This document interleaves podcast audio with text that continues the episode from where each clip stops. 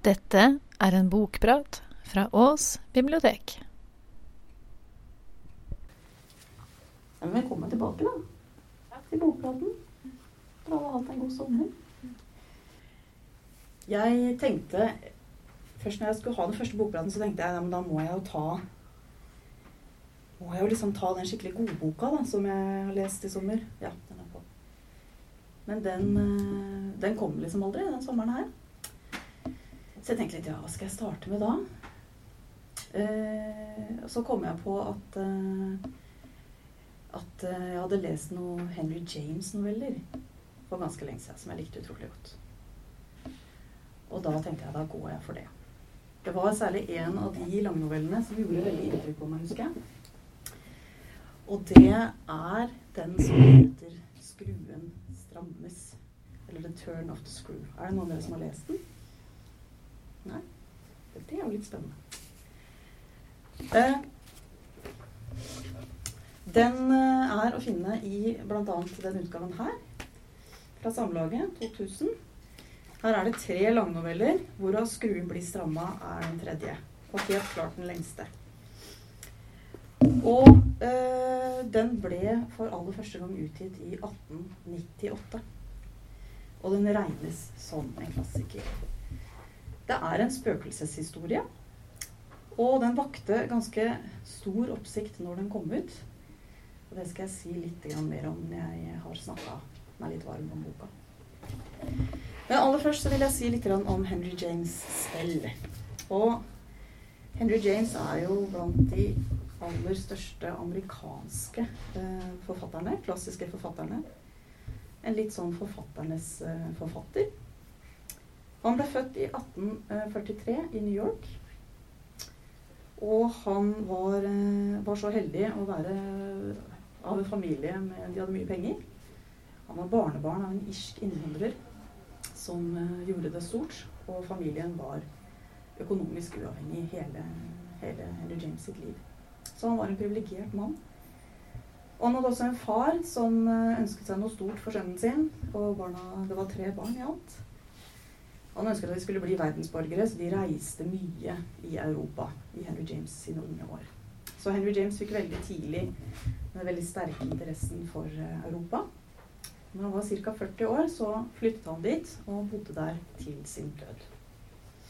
Og han ble også britisk statsborger ett år før han døde. Han starta på jusstudiet, men han fullførte aldri. Han ble forfatter på heltid. Det hadde han mulighet til å være. Og han skrev 20 romaner og ca. 112 noveller. Og den mest kjente romanen er kanskje en som drømte om, som heter 'Portrett av en dame'. Som handler om en ung kvinnes reiser i Italia. Hun drar til Firenze, og hun er mye i England. Og det dreier seg mye om hennes mislykkede ekteskap. Henry James han skrev veldig mange artikler. Han var kritiker, han skrev anmeldelser, han skrev skuespill. Han skrev mange reiseskildringer. Og et veldig sentralt tema hos Henry James det var motsetningen mellom gamle gamle, den gamle og den nye verden. Og i veldig mange av novellene hans særlig så er det ofte et, et møte, ofte en ung amerikaner med et uh, åpent og upletta sinn, som reiser til Europa og får et møte med et mye mer kultivert Europa, selvfølgelig. Men også et mye mer korrupt Europa. Uh, jeg leste disse jeg leste den opp igjen, og så leste jeg også ikke alle novellene, men noen i en novellesamling som på norsk bare heter 'Noveller'. Uh, og da syns jeg liksom jeg beit meg litt i merket at Henry James må ha en litt sånn spesiell frekvens til å ha fanga opp hvordan uh, mennesker er når de er sammen. For det er oppleves veldig, veldig moderne å lese Henry James. Det er, som jeg sa ofte, det her følsomme sinnet som, som får seg noen utfordringer. Og det er ikke tunglest, men det er veldig oppslukende og veldig lett å lese. Også fortidens innvirkning på nåtiden er et sentralt hovedtema hos James. Og det kommer eh, naturlig nok fram i spøkelsesfortellingen hans. For hele livet skulle Henry James være dratt mot spøkelser og det overnaturlige. Og han har skrevet noen utrolig gode spøkelseshistorier. Eh, men han sa selv at det var ikke den overnaturlige fortellingen som sjanger han holdt mest av. Om det er snobberi eller ikke, det, det veit jeg ikke, men det var nå engang det han sa. Allikevel så skulle det da bli 'The Turn of the Screw', eh, novella i denne samlinga her, som kanskje er den mest kjente historien hans. Og eh, fortellingen den starter med en sånn sånn klassisk sånn rammefortelling, eller en prolog, hvor det er et selskap. Eh, hvor det har vært utvekslet gode historier, og det er god stemning. Og så er det én person som liksom sånn Ja, men jeg skal, jeg skal fortelle dere en historie jeg, som dere aldri har hørt maken til. Og den er sann. Ja, så blir alle veldig sånn ivrige og Ja, men jeg kan ikke fortelle den før i morgen, for jeg må hjem, og jeg må i skatollet mitt, og jeg må låse opp det ene skrinet der hvor, det, eh, der hvor dette, denne fortellingen ligger. Ja, for det, ja, fordi det er, neds, det er et nedskrevet manuskript. Det er en førstehåndsberetning, denne spøkelseshistorien. Og den er ført i hånden av en ung kvinne, en guvernante, som nå er død, og som gjennom hele fortellingen er navnløs. Og da skifter det. Da presenteres historien bare som hennes nedskrevne manuskript. Og hun er da en ung prestedatter som har fått en stilling som guvernante for to barn. En gutt på ti og en pike på åtte. De bor på et gods i Bly i England. Og helt fra starten av, kanskje også ganske klassisk, så er denne settingen eh, veldig sånn mystisk. Altså Guvernanten kommer til et intervju med barnas onkel, som er deres verge, og foreldrene er døde. Og hun blir liksom ansatt sånn uten noe særlig om og men. Og han gjør det veldig tydelig for henne at eh, han bor ikke sammen med barna, han bor i London. Han gjør det tydelig for henne at ja, uansett hva som skjer, så er det du som er barnas nærmeste person. Jeg vil ikke høre om det. Jeg vil ikke høre om skolegangen deres. Kommer det ting underveis som må tas, så ordner du det. Og selv om hun syns det er litt underlig at onkelen ikke ønsker noe rapportering om disse, disse slektningene, unge slektningene, så godtar hun det. Og hun drar av gårde for å starte tjenesten. Med litt engstelse. Men med en gang hun kommer dit, så eh, forsvinner all engstelse for godset. Det er større og vakrere enn hun hadde tenkt. Og barna er yndigere enn hun kunne forestille seg og tjenerne som er der, bl.a. husholdersken, de tar så godt imot henne at hun vet jo ikke sin arme råd. Så etter denne gode mottakelsen så skal jeg lese litt. Jeg opplevde ikke noen nedtur før neste dag, for de neste timene, da jeg ble presentert for den yngste av elevene mine, reide jeg på ei bølge av triumf. Den vesle jenta var sammen med Mrs. Grose slo meg straks som en så sjarmerende skapning at jeg måtte synes at det var ei lykke å få være sammen med henne. Hun var det vakreste barnet jeg noen gang hadde sett, og etterpå lurte jeg på hvorfor arbeidsgiveren min ikke hadde understreka det sterkere for meg. Jeg sov lite den natta, for jeg var altfor oppglødd. Dette forbløffa meg, og, husker jeg, styrkte kjensla mi av å bli behandla sjenerøst. Det store, imponerende rommet, et av de beste i huset, den breie, praktfulle senga, slik opplevde jeg den. De tunge, mønstra draperia, de høye speilene, der jeg kunne se meg sjøl fra topp til tå for første gang. Alt dette slo meg, slik den vesle eleven min også gjorde, som nesten for mye på en gang. Dessuten så det ut fra første øyeblinken til at jeg ville komme godt ut av det med Mrs. Grose, et spørsmål jeg hadde grubla engstelig over i postvogna. Det eneste omstendet som på dette tidlige tidspunktet kunne fått meg til å bli engstelig igjen, var at hun var blitt så overdrevet glad for å se meg. Etter bare en halv time hadde jeg fått kjensle av at denne staute, enkle, ryddige og sunne kvinna blei så glad at hun var direkte på vakt mot å vise det for mye. Jeg lurte til og med på hvorfor hun skulle ønske å ikke vise det, og med litt ettertanke og mistanke kunne det sjølsagt ha gjort meg urolig. Men det var ei trøst at det ikke fantes noe å engste seg for i forhold til en så, så skjønn skapning som den strålende veslejenta mi. Ei visjon av engelaktig prakt. Så snakker husholdersen husholdersken og guvernanten litt seg imellom. Den unge gutten har ikke kommet ennå, han er på skolen. Så guvernanten spør da husholdersken. Og den vesle gutten, likner han på henne? Er han også så spesiell? Ein skulle ikke, det hadde vi blitt samde om, smigre eit barn for mykje. Å, miss, svært spesiell. Dersom de synes godt om henne her Hun sto der med en tallerken i handa og strålte mot jenta, som så fra den ene til den andre av oss med et himmelsk lysende blikk som ikke inneholdt noe som kunne stanse oss. Ja, dersom jeg gjør det, så blir de fullstendig sjarmert av den vesle herren.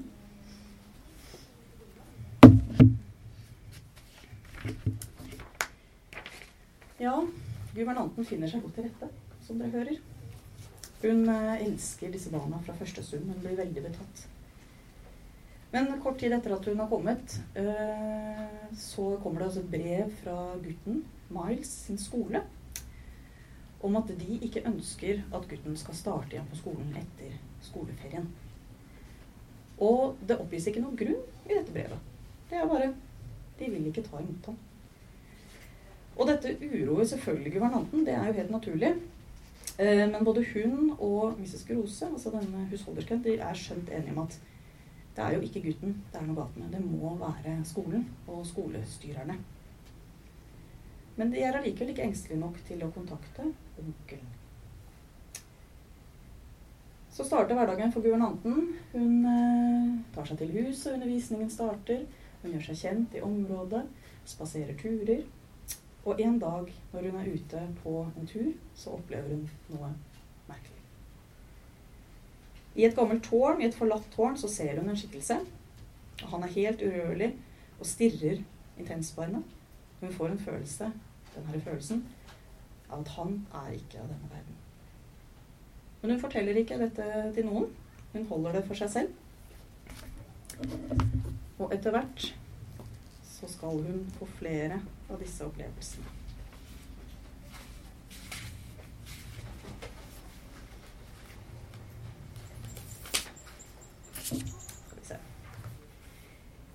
De sjarmerende små elevene mine var ei konstant glede, som fikk meg til å forundre meg over den opphavelige, forferdelige angsten min og den uroa jeg hadde begynt å nære for at arbeidet mitt skulle bli grått og prosaisk.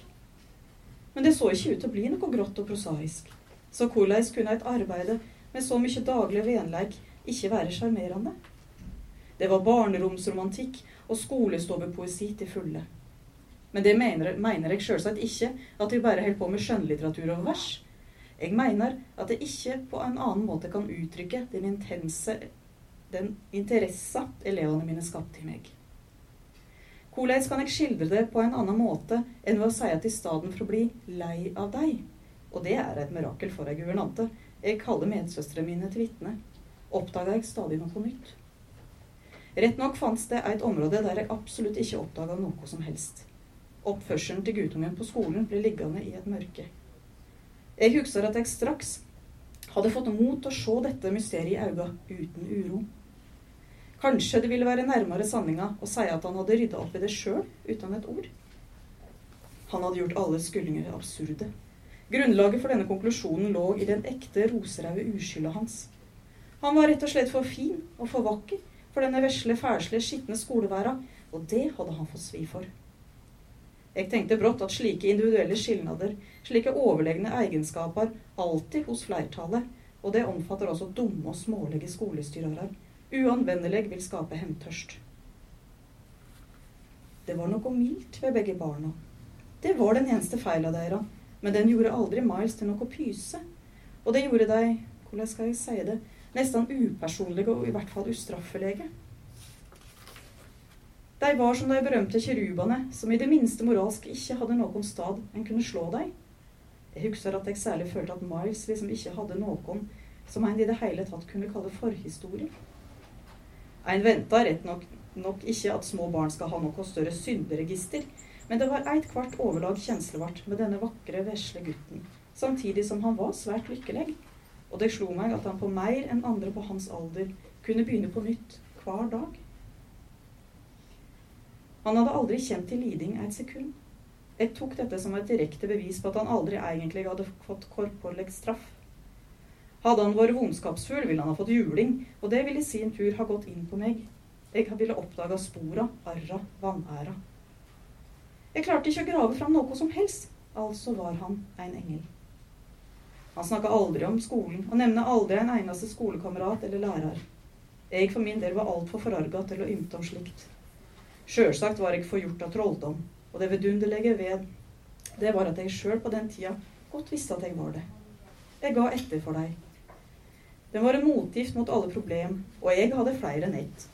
Jeg fikk flere brev hjemmefra på den tida, og der sto det ikke bra til. Men hva rolle spilte det når han hadde glede over barna mine? Det var det spørsmålet jeg brukte å stille meg når jeg trekte meg tilbake til rommet mitt. Jeg var blenda av fagnaden deres. For så kom vi videre. Det var en søndag da det regna så kraftig og i så mange timer at vi ikke kunne spasere til kyrkja. Utpå dagen avtalte jeg derfor med Mrs. Grose at vi alle sammen skulle gå til kveldsgudstjeneste dersom været betra seg utover ettermiddagen. Heldigvis slutta det å regne, og jeg forberedte spaserturen vår, som ville ta om lag 20 minutter gjennom parken og langs den fine veien. Da jeg kom ned for å møte Mrs. Grose i hallen, kom jeg på et par hansker som hadde trunget tre sting, og som jeg burde sydd. Noe som kanskje ikke passa seg å gjøre offentlig medan jeg satt til te sammen med barna. På søndager fikk de som et unntak servert teen i den kjølige og reine mahogni messingtempelet stova for de voksne. Der lå hanskene mine, og jeg gikk dit for å hente deg. Dagen var grå, men ettermiddagslyset varte fremdeles. Nok, til at jeg straks så hanskene på en stol ved det lukka vinduet. Men også til å bli merksom på en person som sto utenfor ruta og kikka rett inn. Eit steg i rommet hadde vært nok. Jeg så det straks. Personen som sto og stirra inn, var den samme som allerede hadde vist seg for meg. Slik viste han seg nå igjen, ikke tydeligere, for det ville være umulig, men så nær at det representerte eit steg framover i forholdet mellom oss, og det fikk meg til å hive etter pusten og grøsse. Det var den samme. Det var den samme, jeg så han fra midja opp slik jeg hadde gjort førre gangen, for sjøl om stova lå i første etasje, gikk ikke vinduet helt ned til terrassegulvet han sto på. Han hadde ansiktet tett inntil ruta, men han var bedre synlig. Men at han var bedre synlig, understreka pussig nok bare hvor intenst jeg hadde sett han første gangen. Han var der bare noen få sekunder, lenge nok til å overtyde meg om at han hadde sett meg og kjent igjen meg. Likevel var det som om jeg hadde sett han hele tida, i årevis, og alltid kjent han. Men det skjedde noe nå som ikke skjedde forrige gangen. Han stirra hardt og rett på meg, slik han hadde gjort første gangen. Men blikket hans slepte meg ei ørlita stund medan jeg fremdeles kunne se ham, og han festa det i tur og orden på flere andre ting.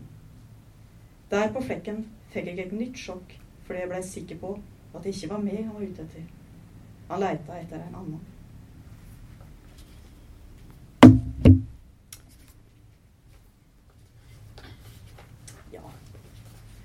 her begynner jo liksom både guvernanten og leseren å ane veldig fare på å være. Og jeg syns det er så flott hvordan dette enkle med en person utenfor heter det. Er det enkleste omtrent av alle sånne skrekkscenariobilder. En person rett utenfor vinduet. Hvordan det er blitt beskrevet her. Men denne gangen så klarer ikke guvernanten å holde dette synet for seg selv, og hun forteller eh, husholdersken hva hun har sett. Og hun blir jo selvfølgelig veldig opprørt. Og når guvernanten begynner å forklare sånn i detalj hvordan mannen ser ut, så viser det seg at hun beskriver altså helt nøyaktig en gammel, eller ikke en gammel, men en tidligere tjener på godset, en kammertjener, som het Mr. Quint. Og det gjør jo at Mrs. Grose hun eh, blir også veldig opprørt og opprakt over dette, for det var en fælslig mann. Han var slem. Så kommer det også fram at han brukte veldig mye tid sammen med den unge lille herren. Lille Miles. De var veldig mye sammen. Så fortelles denne fortellingen med en rekke antydninger om at begivenhetene kommer til å bli verre. Og der syns jeg forfatteren han er en antydningens mester, for å bruke en litt sånn forslitt frase. Det er veldig mye som blir sagt direkte, men han klarer også å holde oss skikkelig på, på pinnbenken. Og øh, kanskje er det der at tittelen 'Skruen strammes'. altså Hele tiden så går det liksom ett hakk i denne skruen. Vi får vite sånn litt og litt, og spenningen bare stiger og stiger.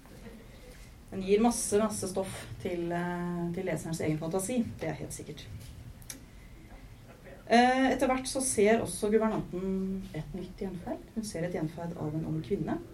Igjen beskriver til husholdersken, og husholdersken sier det er den forrige guvernanten. Og hun døde. Men hun vet ikke hvordan. For da hadde hun allerede reist fra godset. Og disse gjenferdene de sier ingenting, men de er jo veldig illevarslende, og de er veldig intense og oppfører seg truende. Så guvernanten frykter jo selvsagt for barna. At det er de de er ute etter. Eh, men etter en stund så forstår guvernanten at barna ser spøkelsene. De kan også se dem. Og ikke bare ser de de, men de har ikke noe imot dem. De ønsker de velkommen. Og de prøver å holde det skjult at de ser dem. Og da blir det et sånt merkelig spill mellom barn og guvernante.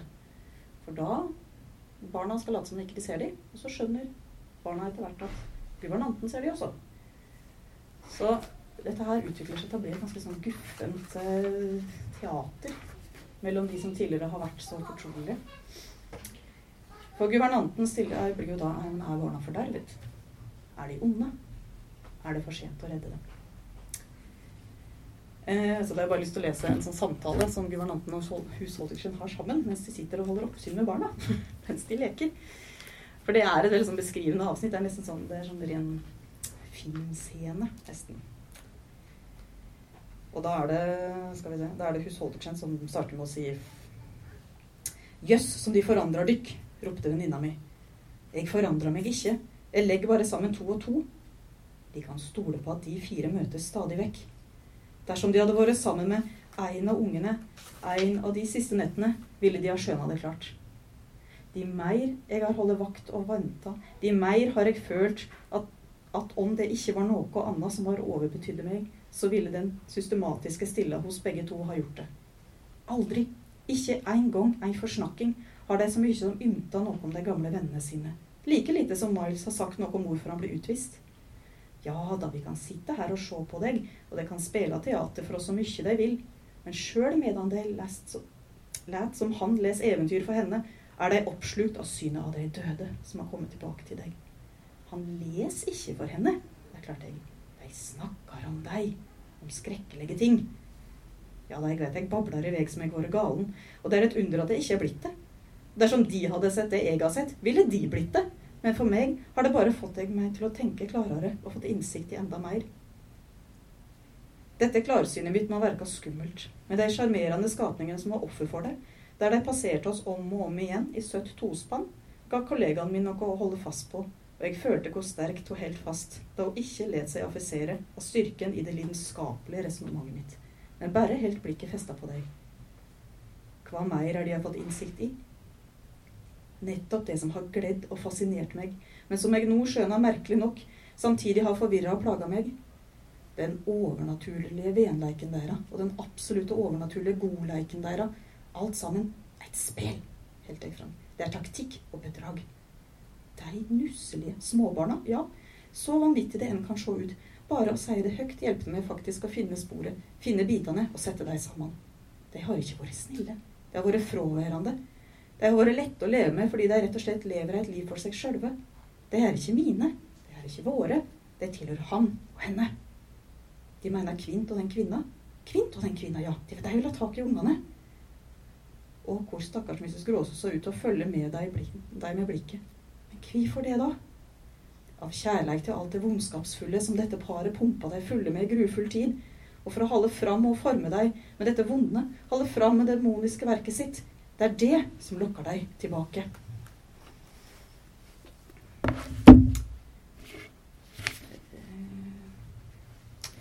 Jeg sa i begynnelsen at når, dette, når denne novellen kom ut, så ble det skikkelig furore. Og det blei det rett og slett fordi at det var ingen som kunne forstå hvordan man kunne skrive noe så ondt. De syntes det var så grusomt å skrive om besatte barn. Og i dag så er jo ikke dette altså, Det fins jo knapt en ting som det er laget så mange eh, filmer om, eller det er skrevet bøker, altså TV-serier. Dette er jo veldig veldig kjent i, i, litteraturen og i populærkulturen for oss i dag. Men i 1898 så var ikke dette vanlig. Så det skapte rett og slett noen sjokkbølger. Så gikk det noen tiår, og så eh, kom psykoanalysen. Og da begynte kritikerne å interessere seg mye mer for guvernantens sinn. For det er jo hele veien Det er en førstehåndsberetning. Det er jo guvernanten som forteller. Eh, men da begynte de å sa kan vi, kan vi stole på henne? Er det sant, det hun skriver? Og det ble nå mye mer en sånn allmenn eh, oppfattelse. At det var en historie om et sinn som sakte, men sikkert ble verre. At det var en historie om galskap. Og så var det i det hele tatt også nytt dette å bruke en upålitelig forteller. Det var relativt nytt. Dette med å, å, bruke en forteller som vi ikke kan stole på. Er det sant, det som fortelles? Eh, ja, og det har på en måte blitt litt vanlig å lese det som en sånn type historie. Jeg tror ikke jeg avslører for mye å si det. for Jeg har ikke tenkt å si om det slutter. Så er det også den lille haken ved at, det er, ved at hun beskriver disse gjenferdene i detalj for husholdersken, som kan bekrefte at ja, det er sånn de så ut. Så det lar oss liksom henge litt sånn Ja, ok, kanskje det er spøkelser allikevel. Det er mange ting å undre seg over i denne boken. Noe som starter som en sånn veldig klassisk eh, spøkelseshistorie, blir etter hvert et sånn psykologisk kammerspill. Og vi får ikke vite hva disse tjenerne egentlig gjorde mens de bodde på godset og var sammen med barnet. Vi får ikke vite hvorfor denne onkelen er så hemmelighetsfull, for han må jo vite noe, ikke sant? Vi får ikke vite hva som skjedde med foreldrene deres. Og denne langnovella, den har blitt en kjær gjenstand for analyse og tolkninger. Jeg har ikke lest disse lange, grundige analysene. Eh, men det er også blitt gjort veldig mange adopsjoner. Den er filmatisert som langfilm i hvert fall tre ganger. Og eh, det er veldig mange andre filmer eh, som har latt seg inspirere, som har en sånn lignende, lignende story. Da. Og øh, uansett om det er en spøkelseshistorie eller ikke, så er dette en veldig veldig foruroligende fortelling. Og jeg hadde, jeg hadde, jo lest den før, så jeg husker ikke helt åssen den slutta. Men så sparte jeg slutten til meg selv, så jeg skulle lese den på kvelden. skulle lese slutten på kvelden. Og den var jeg litt heldig med den kvelden, for da piska regn på ruta, og det blåste og sånn. Så det, yes, det var bra. Så leste jeg slutten, og så fikk jeg akkurat sånn en slutt på en spøkelseshistorie skal være. Det er, det når du skal gå og legge deg. Og det var det. Så ta med dere denne inn i høsten. Nå var det ikke akkurat en sånn type bok man skulle snakke om i dag på en samler, men ta den med dere inn i høsten og undre den. Takk for meg.